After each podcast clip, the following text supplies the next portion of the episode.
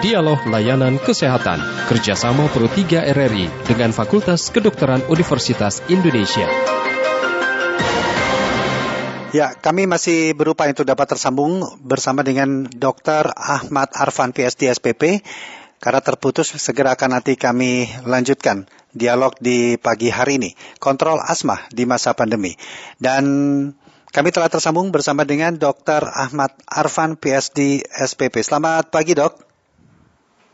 Ya, selamat pagi, Mas. Iya, kabar baik, Dok, ya pagi ini ya? Iya, alhamdulillah sama-sama. Semoga kita semua juga begitu ya, Mas. Amin, mudah-mudahan seperti itu. Ya, dokter, tema kita ya. adalah kontrol asma di masa pandemi. Nah, mungkin bisa ya. dulu dijelaskan di awal definisi dari asma itu apa, dok?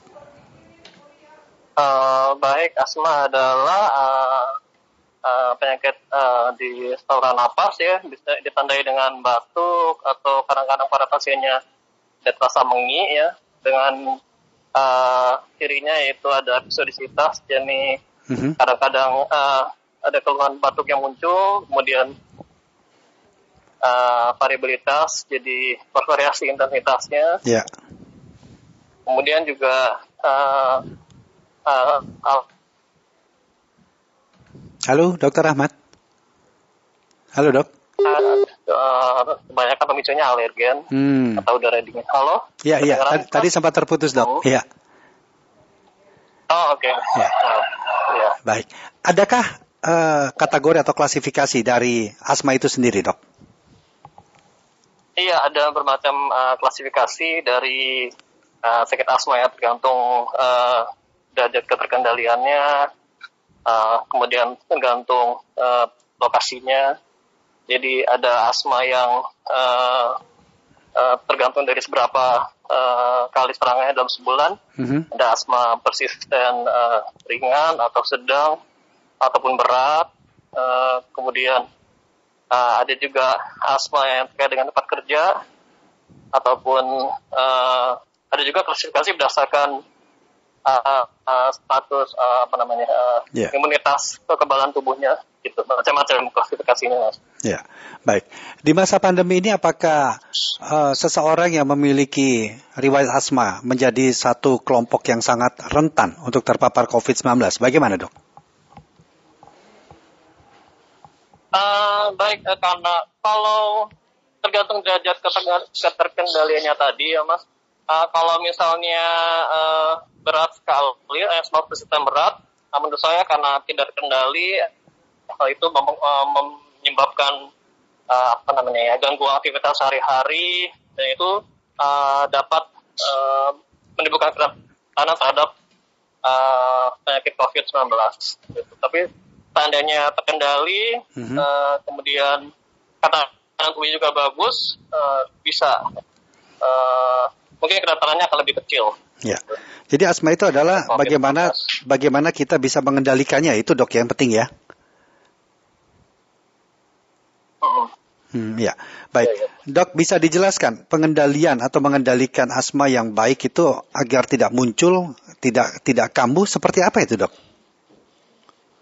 Oke, baik. Uh, jadi uh, kebanyakan asma disebabkan oleh uh, apa namanya ada zat pemicunya ya namanya alergen uh, bisa juga sebab dipicu oleh uh, iritan jadi mungkin berupa wangi-wangian yang terlalu menusuk gitu. jadi uh, untuk mengendalikan asma uh, selain harus menghindari uh, pemicunya uh, atau hal-hal menyebabkan uh, serangan asmanya muncul seperti tunga debu debu-debuan atau uh, apa tadi ya wangi-wangian yang terlalu menusuk. Uh, juga uh, harus kendalikan juga penyakit penyerta yang ada. Kalau uh, seseorang pasien asma ada uh, sakit gula yang tidak terkontrol dia mm -hmm.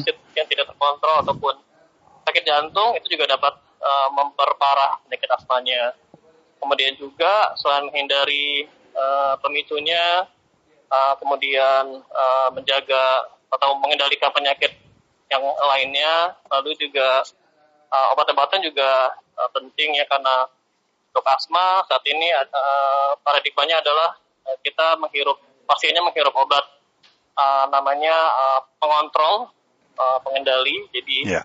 hirup biasanya dua kali sehari dan itu juga harus uh, rutin. Jadi jangan lupa juga untuk kontrol ke dokter untuk uh, kontrol penyakit asmanya. Ya.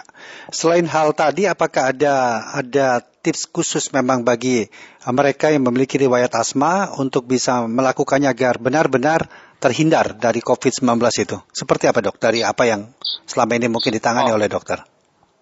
Oh, baik, untuk COVID-19 uh, secara umum sama, jadi tetap vaksinasi bagi pasien, bagi anda yang punya asma yang belum uh, mendapatkan vaksin COVID-19, silakan segera lakukan vaksinasi minimal dua kali. Uh, kalau kalau misalnya uh, terangan asmanya tidak terkendali, uh, ditahan dulu vaksinasinya. Tapi bila uh, kondisi asma Anda sangat minimal, sangat jarang terangannya, silakan uh, vaksinasi. Kemudian juga uh, tetap lakukan uh, gerakan 6M ya, mm-hmm. mencuci tangan, memakai masker, uh, menjaga jarak, menjaga jarak saat ngantri uh, di uh, depan ATM atau mengantar uh, uh, beraktivitas dengan uh, di keramaian gitu ya. Kemudian uh, menjauhi keramaian, kalau bisa menjauhi keramaian, kemudian uh, menghindari mobilisasi atau uh, keluar uh, bila perlu saja. Uh, lalu yang terakhir itu uh, makan, jangan makan bareng-bareng dengan teman kerja. Gitu. Kadang, karena kadang kalau teman dengan uh, makan dengan teman kerja, ya, kita ngumpul, ngobrol-ngobrol, uh, mungkin tidak tahu apakah salah satu orang ada yang terinfeksi virus SARS-CoV-2 bisa terinfeksi. Jadi yeah. nah, tetap uh, uh, laksanakan protokol kesehatan dan lakukan nasi. Ya, sebenarnya tujuan untuk mengendalikan uh, asmanya itu sendiri, selain juga tertib dan atau taat dengan protokol kesehatan itu apa dok? Tujuannya bagi mereka yang memiliki riwayat asma ini dok? Uh, tujuannya kenapa asma harus dikendalikan adalah supaya uh, tidak uh, tidak berkembang atau tidak ya tidak berkembang menjadi uh, tidak memperparah penyakitnya. Kurang lebih seperti itu pak. Jadi kalau misalnya uh, uh, uh, karena di saluran nafas uh, seseorang yang mengidap asma itu terjadi di peradangan jalan nafas nah itu harus dikendalikan. Kalau tidak nanti uh, uh, serangannya akan menjadi lebih sering, kemudian sangat mengganggu aktivitas, uh, lalu juga uh, pada intinya nanti uh, akan ber ya. yang misalnya penyakit asmanya tidak dikendalikan. Ya, baik, dok. Saya sering menjumpai uh, mereka yang memiliki riwayat asma itu menggunakan spray, begitu dok. Itu sebenarnya bagaimana? Apakah itu juga cara untuk mengendalikan asma atau justru akan memberikan dampak dan bagaimana sebenarnya penggunaannya? Oh, spray, oh, oh ya, kalau misalnya sesak dihirup itu ya? Iya, yang dihirup itu. Ya, Pak ya. Oh, iya betul. Iya, jadi uh, itu nama, jadi pada pengobatan asma. Halo, Dokter Ahmad. Itu ada istilahnya obat uh, pengendali dan hmm. ada istilahnya obat pelega. Oh, Halo. Ya, ya. Tadi sempat tadi sempat terputus, dok. Pak. Halo. Ya, Dokter Ahmad. Halo Pak. Ya, dok bisa maaf bisa bergeser sedikit dok agar bisa mendapatkan sinyal ataupun suara lebih baik tidak terputus-putus oh, ya. Baik. Ya. Baik. Ya, silakan mungkin bisa dilanjutkan dokter. Ya, ya kedengaran Pak ya. Iya. Hmm, ya, jadi kalau obat asma itu ada lega, lega dan pengendali Pak.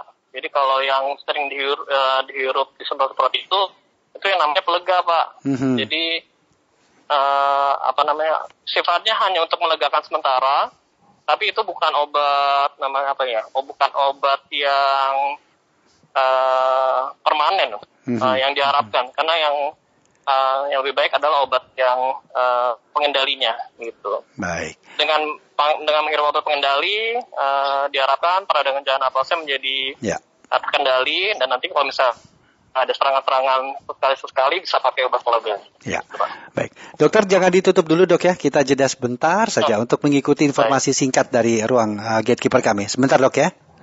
Ya, ya baik. Kilas Berita. Ya, kami ajak Anda menuju ruang gatekeeper kami menjumpai Angelika Manda. Manda, informasi singkat apa yang akan disampaikan pagi ini? Baik, terima kasih Rudi dan juga pendengar kasus positif virus corona atau COVID-19 varian Omikron di Indonesia menjadi 506 usai bertambah 92 per 10 Januari. Informasi selengkapnya bisa Anda baca di rri.co.id. Ya, demikian tadi informasi singkat yang disampaikan oleh Angelika Manda pada pagi hari ini. Baik, kita lanjutkan kembali dialog layanan kesehatan COVID-19 dan silakan pendengar Anda dapat berinteraksi bersama kami di 021 352 3172 kemudian 021 384 4545 0213866712 juga melalui WhatsApp kami di 081399399888 bersama dengan Dr. Ahmad Arfan PhD SPP dari Departemen Pulmonologi. Ya, Dr. Ahmad, halo. Halo, Halo dok. ya, Pak. Ya, terima kasih dok ya sudah menunggu Halo. tadi. Baik, dok, mungkin eh, hal-hal apa saja yang bisa dilakukan untuk menambah imun kita, khususnya bagi mereka yang memiliki riwayat asma, dok, khususnya dalam masa pandemi ini.